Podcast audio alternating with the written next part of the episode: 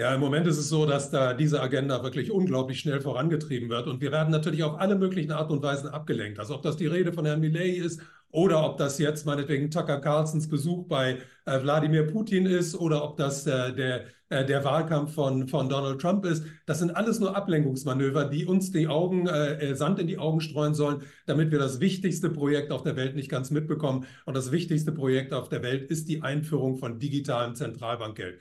Und bei uns hat es in der letzten Woche auch eine Maßnahme gegeben, die ganz entscheidend in diese Richtung deutet. Und das ist die, die Einführung der Bezahlkarte für Flüchtlinge. Äh, diese Bezahlkarte beinhaltet, dass das Geld, was diesen Flüchtlingen gegeben wird, dass das erstens zweckgebunden ist, dass es zweitens ortsgebunden ist und dass es zeitlich limitiert ist. Das sind drei ganz wichtige Eigenschaften, die auch digitales Zentralbankgeld haben will. Und das ist im Moment so, dass sehr viele Leute einen äh, Groll auf diese äh, Migranten haben und deswegen diese Maßnahmen befürworten. Damit befürworten sie aber im Grunde eigentlich den eigenen Gang ins digitale Gefängnis. Und es hat noch einen zweiten ganz wichtigen Aspekt gegeben in der letzten Woche. Es hat eine Rede gegeben von äh, Christine Lagarde, der Chefin des, äh, der EZB, der Europäischen Zentralbank.